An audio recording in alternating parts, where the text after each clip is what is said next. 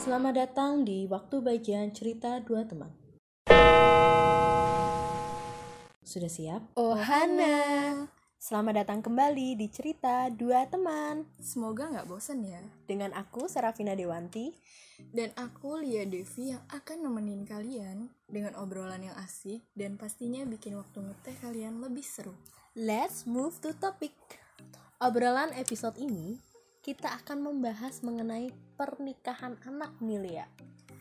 Kebetulan tuh beberapa waktu yang lalu sedang rame tentang wedding organizer yang namanya Aisa Wedding. Mm-mm. Sempat dengar nggak kamu itu? Iya pernah pernah. Yang memberikan penawaran paket untuk pernikahan anak, bahkan menganjurkan, semi menyuruh malah Mm-mm. orang untuk nikahin anaknya. Sebenarnya nggak cuma nikahin anak, tapi juga nyuruh poligami. Tapi itu nggak kita bahas. Kira kita Oke. lebih menyoroti pernikahan anaknya. Fokusnya ke anaknya aja. Fokusnya ya. pernikahan anaknya. Nah, setahu aku nih, kalimat dalam iklannya itu bunyinya gini, Kak. Anda harus menikah pada usia 12 sampai 21 tahun dan tidak lebih. Jangan tunda pernikahan karena keinginan egoismu. Tugasmu sebagai gadis adalah melayani kebutuhan suamimu. Anda harus bergantung pada seorang pria sedini mungkin untuk keluarga yang stabil dan bahagia. Jangan jadi beban bagi orang tua Anda. Temukan pria lebih awal. Aduh, Eh kayak gitu. serem banget ya. Agak susah ya bikin suara kayak gitu tadi. Agak serem juga ya maksudnya. Apalagi kalimat jangan apa jangan tunda pernikahan karena keinginan egoismu. nah, itu eh, kayak wa- apa namanya semacam perintah perempuan tuh jadi kayak persalahnya perempuan kalau misalkan belum mau nikah gitu loh mm-mm, paham nggak sih? benar-benar. Nah, meski setelah diselidiki nih kak, diduga kasus Aisyah Wedding ini mirip seperti kasus klepon tidak islami. oh yang sempet rame itu Iya, juga ya benar. Yang bikin gempar Ah, yang aku ingat klepon nih si Alkarin ngelempar klepon ke atas terus muncul itu deh. Tidak diketahui pelakunya, tapi tujuannya bikin ramai dunia maya. Mhm. ya itu berhasil tujuan mereka Ya. Tapi kasus Aisyah Weddings ini kemudian semakin membuka mata tentang isu pernikahan anak yang semakin parah. ya katanya katanya semenjak gak katanya menurut berita semenjak kasus Aisyah Weddings ini eh, berita-berita mengenai pernikahan anak terutama di Indonesia ya Iya. selama covid ini tuh meningkat gitu. Jadi semakin dibahas lagi. Repot ya, Bu. oh iya repot. Jadi eh, ternyata sejak kasus covid melanda dunia banyak laporan mengenai peningkatan pernikah permintaan dispensasi pernikahan untuk pernikahan di bawah umur. Jadi ada per- peningkatan pada pernikahan anak Mm-mm. jadi dispensasi pernikahan itu diberikan untuk yang masih di bawah umur nah itu karena sekolah tuh yang tatap muka itu kan ditiadakan Mm-mm, benar. jadi dan di awal-awal covid ini kan belum semua sekolah itu provide untuk metode pembelajaran online. Masih banyak sekolah-sekolah yang pada awal covid itu nggak belajar sama sekali, terutama di daerah pelosok. Iya, Dan akhirnya kan mereka nggak ada kegiatan. iya betul. Nah, anak-anaknya tuh memilih untuk nikah atau keluarganya yang memaksakan anaknya untuk menikah. Karena mungkin merasa akan lebih indah mungkin ya, lebih bahagia gitu. Karena mereka nggak tahu mau ngapain. Iya, dikasih makan batu apa kan? Tuh anak-anak. Jadi sebelum lanjut nih kita perlu tegasin ya usia minimal untuk menikah yang disahkan pemerintah itu adalah 19 tahun sekarang. Itu berdasarkan UU yang terbaru nomor 16 tahun 2019. Jadi yang di bawah usia 19 tahun dianggap sebagai pernikahan anak, pernikahan anak.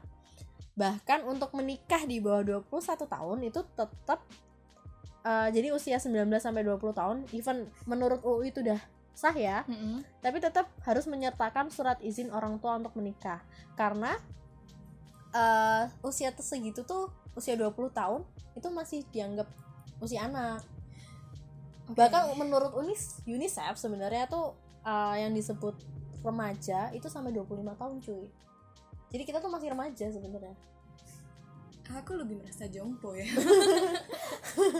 karena udah Pegel-pegel gitu. mageran gitu Jadi udah bukan remaja ya. Berarti lo harus kawin dong kalau udah jompo oh balang nggak boleh kawin ya udah menopause aduh amit amit. Amit amit. Jadi gitu eh, apa namanya berdasarkan UU em, usia minimal menikah tuh 19 tahun. Sebelumnya kan 16 tahun tuh. Iya. Tapi 16 tahun tuh kan masih 18 tahun aja masih SMA ya. Heeh. nah apalagi banyaknya anak-anak yang di usia 16 tahun setelah menikah itu kan nggak sekolah lagi. Itu kan sangat kas- eman-eman lah istilahnya orang Mm-mm. Jawanya. Jadi sangat disayangkan sekali lah karena mereka nggak punya ijazah untuk bekerja misalkan. Dan itu memakan korban banyak dari eh, UU yang sebelumnya. Nah UU yang sekarang itu diharapkan mengurangi lah pernikahan anak. Tapi justru malah makin meningkat. Kenapa? Karena di UU ini ternyata pemerintah masih memberikan dispensasi iya ya kan? ada celah dispensasi. Iya, cerdas banget yang bikin uh, UU kita harus berbangga gitu. Bangga banget. Indonesia. Hmm, terima kasih untuk bapak-bapak dan ibu-ibu yang sudah memberikan celah dispensasi di UU tersebut. Mm-mm. mungkin alasannya kan dispensasi ini diberikan itu untuk yang misalkan hamil di luar nikah Mm-mm. nah kalau menurut aku nih ya uh, in my opinion Mm-mm. justru malah kalau ada yang hamil duluan maksudnya remaja hamil sebelum menikah itu malah jadi kawinin bor itu malah lebih baik si anaknya kalau misalnya orang tuanya tuh nggak si ibunya ya si Iya. ibunya itu nggak bisa mengurus ya diserahkan ke pemerintah satu Mm-mm. Ya, ibunya dibiarin aja tetap sekolah gitu loh biar apa namanya tetap eh, mendapatkan ijazah tetap eh, apa tetap bekerja gitu kan cari pekerjaan daripada nikah udah nikah sekolahnya nggak lanjut ya kan Betul. habis sudah masa depan si ibunya sama si anaknya Iya kalau misalkan si suaminya itu mau tanggung jawab tapi Iya. kan sekarang men kasus perceraian aja meningkat tiap Iya. tahun dan itu di usia bahkan perceraian meningkat ketika corona juga tuh semakin meningkat gitu loh. Nah. Nah itu dia. Kan dan sebenarnya kalaupun emang belum siap menikah dan udah duluan hamil gitu ya kita juga bisa loh melibatkan orang tua kita ya atau Mhm. keluarga kita gitu. Untuk mengambil alih si iya, anaknya si anaknya itu. Jadi nggak nggak harus jadi menikah itu sebenarnya bukan solusi dari lu udah hamil terus dinikahin enggak. Iya. Ya itu tapi kan masalahnya agama. Agama pertama terus kedua knowledge orang tuanya tuh masih yang Iya. tergolong kolot gitu ya. Mhm. loh udah sama-sama apa namanya istilahnya namanya udah jelek ya kenapa Iya. kamu harus menghancurkan hidupmu dengan menikah dan tidak sekolah lagi gitu loh lebih baik ya udah nggak usah nikah anak lu dititipin ke siapa gitu kan yang bener-bener ngurus lu sekolah lu kerja kalau udah mapan baru deh lu ambil lagi anak lu lu besarin gitu nah karena kan ada dispensasi ini yang tadinya rencananya mungkin buat yang hamil Mm-mm. sebelum menikah. Cuman di lapangannya itu nggak gitu. Jadi banyak kok yang eh, minta dispensasi pernikahan itu karena nggak hamil juga. Bukan karena hamil gitu loh maksudnya. Bahkan ada 23.700 permohonan dispensasi pernikahan anak pada tahun 2020 Wah, berdasarkan BBC News Indonesia. gila 2300 23.000. 23.700 pasangan Wah. anak menikah. Wow, itu dampaknya bakalan jadi itu bagaimana udah ya? satu generasi baru yang Nah, mereka lahirkan loh itu. 23.700 itu nggak usah pakai 700-nya, 23.000-nya lah. Itu kalau digenapin secara matematika jadi kan 24.000 ya. Udah 24.000 orang ini aja yang kecatat loh itu yang catat, Iya yang kan? nggak catat bener nggak kebayang sih ya kalau misalkan bertanya kenapa Indonesia tertinggal ada 24.000 anak menikah. Mm-mm. jadi masih bangga. Tanpa pemikiran yang panjang. Iya tanpa pemikiran yang panjang. 24.000 itu tuh dari Sabang sampai Merauke loh. Ya aduh no comment ya. Serem ya? Hmm. sedih banget. Aku sebenarnya penasaran sih sama orang-orang yang udah menikah Mm-mm. nikah anak nih. Terus dengerin bahwa mereka tuh dalam tanda kutip dihujat karena lu nikah goblok banget. Kira kira-kira apa sih yang mereka rasain ya? Apakah mereka sebenarnya mereka tuh nikah tuh bangga nggak sih?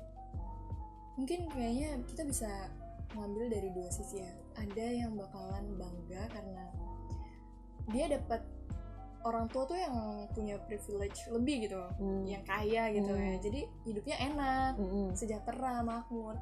Tapi di sisi lain yang ya yang berkecukupan pas-pasan gitu ya bakalan nyesel sih. Hmm. kayak ya mungkin mereka juga kayak majlep iya madesu jadinya. Iya masa yang depan depan suram Ma- madesu. Madesu. Oke. Nah ini ada faktor-faktor yang sering dipakai dalam pernikahan anak. Kenapa pernikahan anak terjadi? Faktor pertama itu jelas ekonomi. Jadi ketika anak nikah itu dibayangkan jatah nasi nih. Jatah nasi di rumah. Mm-mm. itu jadi beban suami udah nggak jadi beban keluarga lagi. Jadi dengan menikahkan anak harapannya orang tua itu anaknya bukan jadi beban biaya mereka lagi. Kan pindah pindah tanggung jawab. Ya? Hmm. padahal kenyataannya banyak yang kemudian masih tinggal dengan orang tua habis Nah, nikah. atau malah kemudian cerai dengan suaminya. Sial-sial udah punya anak ketika cerai sama suaminya terus pulang ke rumah orang tuanya. Nah Ini nambah beban gak akhirnya nambah sih? beban lah si orang tua tadi karena ada cucu yang perlu dibiayai. Nah, ujungnya si anak itu pilihannya kalau nggak disuruh kerja lagi ya disuruh kawin lagi. Ya buat itu ngurangin biaya be- apa beban biaya di rumah tapi ya ujungnya kan siklusnya gitu-gitu aja iya betul. bahkan aku pernah nonton dokumenter Mm-mm. aku lupa dari mana ya antara Vice atau uh, NetGeo atau Tabu itu eh ada yang pernah cerita Mm-mm. dia dipaksa kawin terus dia ditinggalkan sama suaminya Eh, akhirnya dia dikawinin lagi sama orang lain punya anak terus dia entah suaminya meninggal apa ditinggal lagi ya akhirnya kawin lagi jadi kerjanya dia tuh setelah kawin yang pertama adalah kalau ditinggal atau di- ditinggal pergi atau tinggal mati ya pilihannya cuma kawin lagi nggak dia nggak punya pilihan lain selain kawin gitu loh Padahal harusnya kalau pemikiran yang waras ya, Hmm. kita kan kawin kalau kita udah siap secara finance, Mm-mm. finansial gitu. Jadi nggak yang repotin generasi bawah kita nggak sih harusnya ya, itu kan pemikiran kita yang Yang waras. yang waras dan yang modern ah ya benar-benar sih. Eh, sorry bukan modern lagi post modern karena eh masih banyak yang berpikir menikahkan anak itu artinya memindahkan Beban. beban itu tadi Oke. gitu loh makanya pernikahan anak itu eh, juga fungsinya untuk apa namanya meningkatkan ekonomi keluarga karena bebannya berkurang atau lewat mahar Hmm. jadi kan mahar itu ibarat tuh Uang tebusan gitu ya. mm-mm, kayak anak tuh dibeli sama orang Iya. untuk terutama pernikahan anak loh ya jadinya kesannya tuh anak tuh kayak dibeli gitu loh iya iya. mahar itu tuh sebagai uang ganti udah ngasih makan si anak ya untungnya di orang tua kasihan di anak ya Padahal ya seberapa sih maharnya ya nggak sih? Ya orang tua bebas minta sesuka sukanya dia. Oke lanjut aja ya. speedless kan lo. Oke faktor selanjutnya adalah agama. Nah ini udah jelas banget ya. Ada ada yang mempunyai pemikiran menikahkan anak itu demi menghindari zina. Padahal kan menghindari zina tuh nggak cuman dengan nikah muda. Mati muda tuh lebih baik loh Serem ya iya. pilihannya. dari loh daripada nikah muda karena buat menghindari zina ya kan? Malah nambah masalah baru. Mending mati muda kan? Iya, mengurangi populasi. mengurangi populasi. Juga beban. bener. Tapi serius ya ada yang pernah ngomong eh, menghindari zina tuh sebenarnya bukan dengan nikah muda tapi puasa. Puasa ap- menurut aku tuh masuk akal. Jadi kalau emang belum bisa punya rumah sendiri belum punya pekerjaan tetap dan punya belum punya mental untuk berantem sama pasangan karena itu penting banget namanya nikah tuh gak mungkin gak berantem kan Iya, bener. ya bukan yang berantem jontok-jontokan tapi Iya. kan beda diskusi pendapat ya. heeh. itu kalau belum belum siap untuk menghadapi itu ya mending puasa nahan nafsu syahwat gitu loh Iya. mending nahan ya kalau kamu merasa gampang tergoda hindarilah yang mau kamu membuatmu tergoda gitu loh. Tapi mungkin udah sagapu kali ya kebanyakan. Nggak. Ya oke. Karena edukasi seksual kita kan minim. minim banget. Ya dijelaskan gimana cara mengontrol mengontrol seksual Nah, nafsu gitu. Heeh, mengontrol nafsu gimana caranya.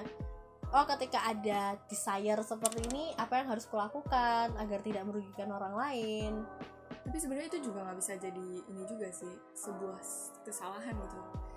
Maksudnya adalah kita sebagai orang tuh juga harus yang eh, haus akan ilmu gitu loh. Jadi kita yang harus nyari sendiri gitu. Sex education yang benar tuh gimana apa gitu. Sayangnya kan nggak begitu ya di nggak lapangan semua ya iya nggak semua Nah, orang kan punya maksudnya tidak semua orang punya pemikiran seperti kita. Begitu memang. Iya ada kalaupun ada yang mencari tahu tapi kalau ternyata yang dia eh, informasi yang didapat itu salah oh iya betul selanjutnya itu ada glorifikasi pernikahan apa tuh Nah, jadi glorifikasi pernikahan itu ada dua Mm-mm. jenis, glorifikasi pernikahan anak dan glorifikasi pernikahan itu sendiri. Jadi eh, kalau yang kasus Asia Wedding, Aisyah Weddings itu termasuk dari bagian glorifikasi pernikahan anak Eh, karena menganggap pernikahan anak itu sebagai sesuatu yang benar dan wajar dilakukan. Nah, selain dari Aisyah Wedding, glorifikasi pernikahan anak itu juga dari testimoni-testimoni manusia yang tidak bertanggung jawab yang melakukan pernikahan anak dan kebetulan baik-baik saja.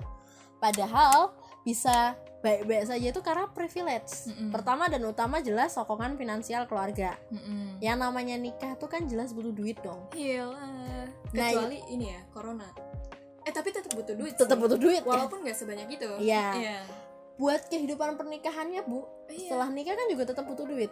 Itu dia. Nah, yang bisa lolos dari derita pernikahan anak itu bisa dilihat dong itu anaknya selebriti siapa, Nah. bapaknya punya apa di belakang buat nyokong kehidupan Iya. mereka.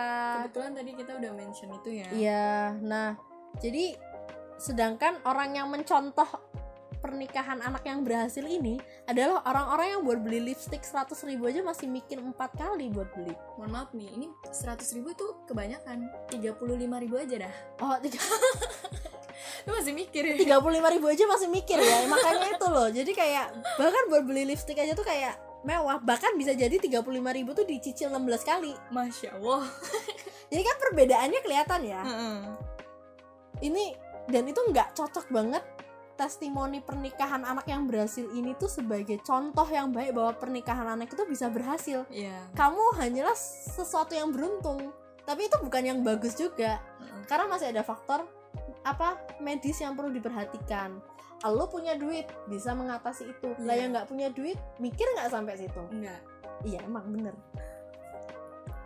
lagian ngapain sih bangga banget nikah muda malu lah masih kecil tuh udah udah nikah kayak nggak punya hidup gitu loh bangga tuh kalau dari muda tuh udah bisa berguna bagi sesama hidup dipakai untuk berbagi atau menyerap ilmu-ilmu baru Mm-mm. esensi esensinya orang hidup itu kan buat kerja, Iya. buat berbagi, bukan, Bukan buat kawin aja. kawin.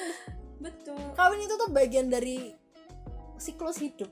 Kalaupun emang dia nikah muda, at least tuh lo udah punya sesuatu yang udah bisa jadi prinsip lo gitu. Iya, Iya sih? nggak karena hidup lu tuh nggak berhenti dari setelah menikah. Malah setelah menikah tuh hidup lu Justru tuh makin baru hidup. nambah kan. Makanya. Jadi buat yang uh, mengglorifikasikan pernikahan anak, ya lu orang jahat gitu aja. Nah yang kedua, glorifikasi pernikahan. Jadi gimana uh, mengagung-agungkan pernikahan itu sendiri.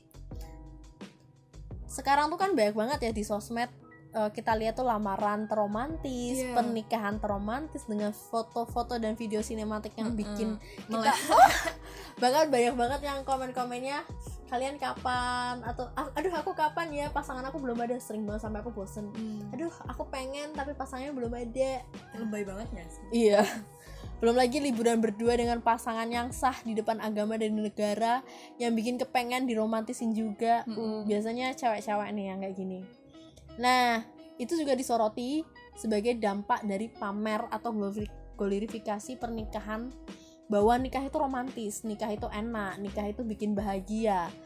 Salah satu itulah yang mendorong anak-anak untuk melakukan pernikahan Dengan- anak. ditambah. Ditambah tuh nggak diimbangi dengan bimbingan dari orang, Orang tua mengenai dampak-dampak pernikahan anak. Apalagi anak-anak yang melakukan pernikahan anak cenderung anak-anak di daerah pelosok kelas menengah ke bawah dengan orang tua yang juga melakukan pernikahan anak. Tidak ada informasi atau bimbingan dan edukasi mengenai pencapaian hidup. Jadi bisa dibayangkan dong bayangannya hidup itu tuh cuman lahir lahir sekolah lulus kerja nikah punya Punya anak, punya cucu mati.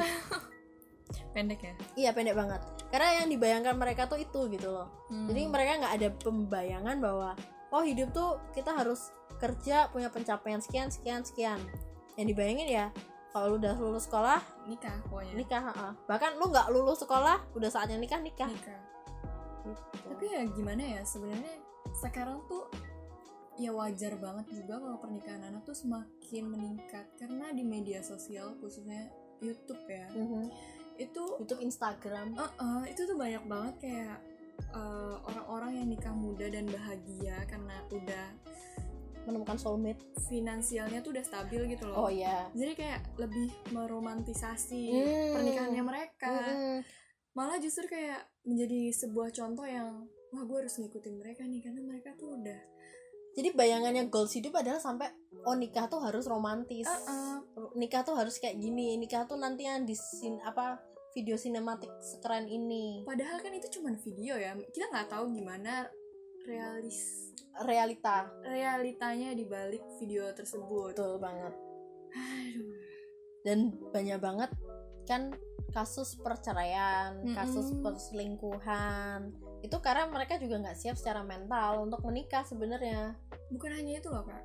Eh, dampaknya itu juga bisa sampai ke badan kita sendiri nih. Kita sebagai wanita kan apalagi yang belum mampu eh, menampung bayi gitu loh. Oh ya Gimana? secara biologis ya. Secara biologis secara ya. biologis pernikahan anak itu dampaknya adalah bagian kesehatan reproduksi. Heeh, kayak kita belum mampu untuk eh, badan kita kayak shock gitu loh. Mhm. jadi justru malah eh, membahayakan ibu. kesehatan kita sendiri sebagai wanita ya kan?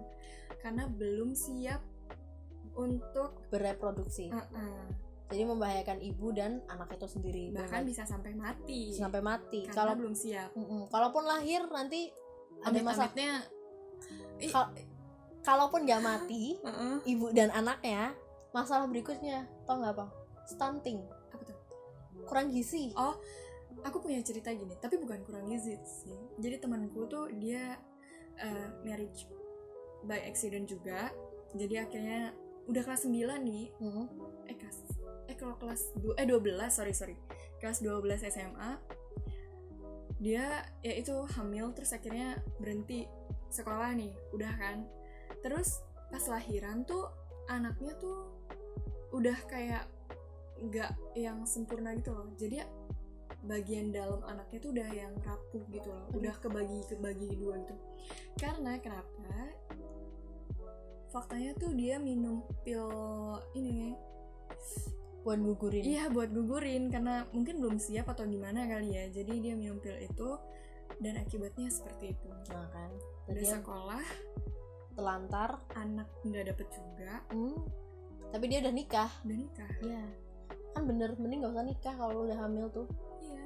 ya udah sih terima oh udah ya udah. Misalnya ibaratnya itu udah aib ya udah gitu loh mau Mm-mm. kamu nikah tuh sebenarnya tidak menutupi bahwa kamu apa namanya menjadi benar malah makin salah karena kamu terjebak dalam pernikahan sekolahmu nggak selesai ya kalau kamu bisa ngurus anak yang bener Betul. kan banyak yang habis itu postpartum sindrom habis melahirkan anaknya dibunuh Iya benar-benar. benar. anaknya nggak dikasih makan Karena mentalnya belum siap ya kak. Exactly. Dan itu akhirnya uh, berkembang nanti generasi selanjutnya nggak dapat pendidikan yang baik. Jadi dampak dari pernikahan anak ini banyak banget. Mm-mm. Kalau lu berhasil karena pernikahan anak, ya itu tadi lihatlah privilege lu kayak gimana dan nggak usah bangga dengan itu Iya, gitu loh.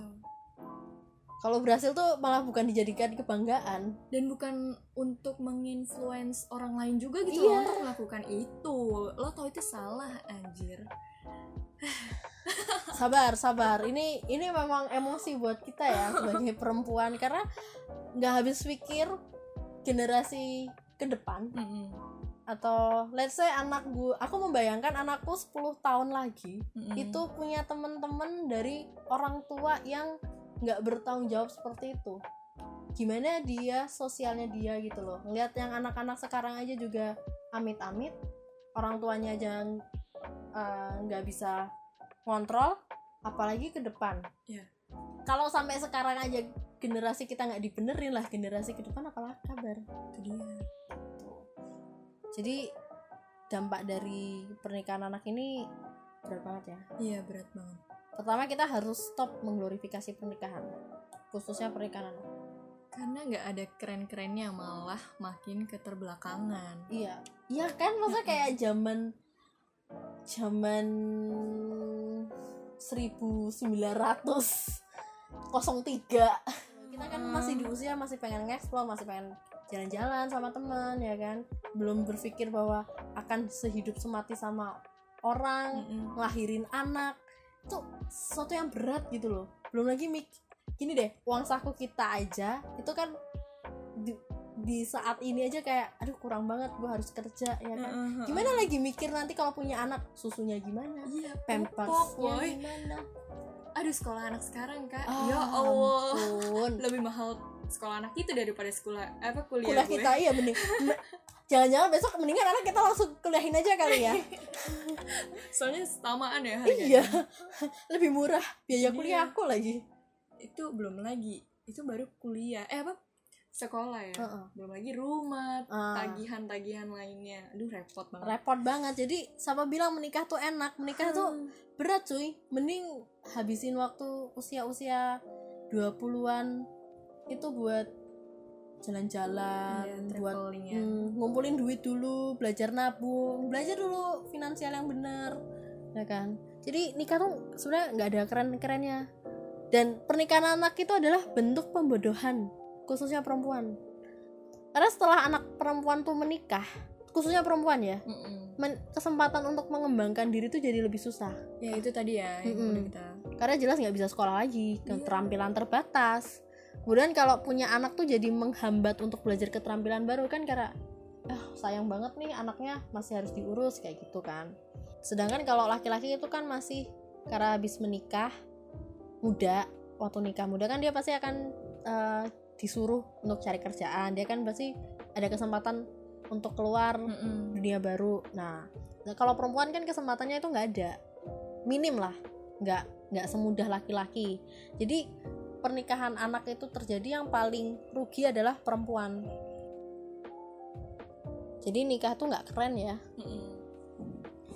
nikah itu malah nambah beban bukan keren kalau mau keren selesain dulu tuh 12 tahun wajib sekolah terus sambil D3 atau malah langsung S1 iya Iya. nggak sih kerja atau bikin hobimu sebagai usahamu atau malah jadi influencer ya nggak sih Bener. Dari hobi itu sendiri ya, misalkan Hmm. hobi make upan, hobi ngurusin tanaman, ngurusin ikan.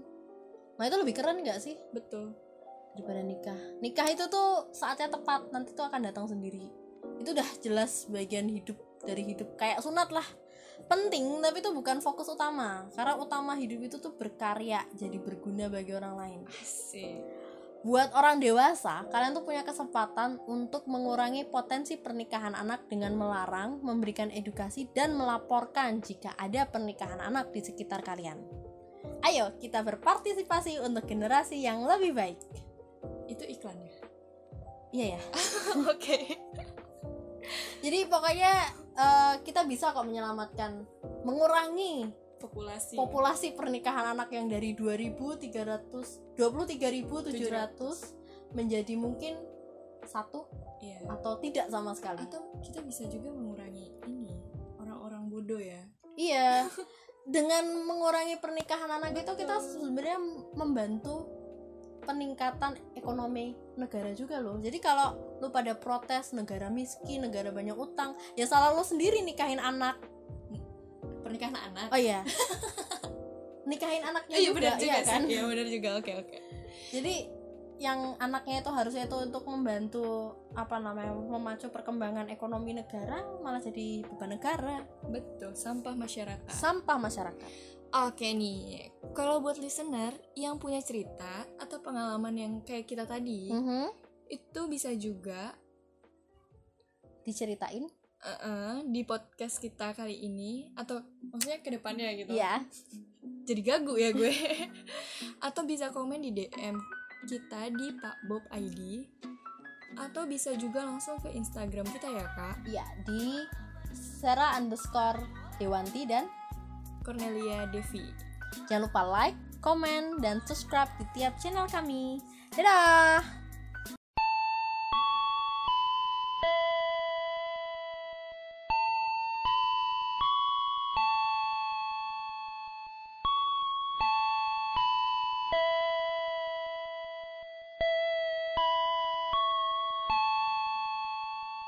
Terima kasih sudah mendengarkan cerita dua teman.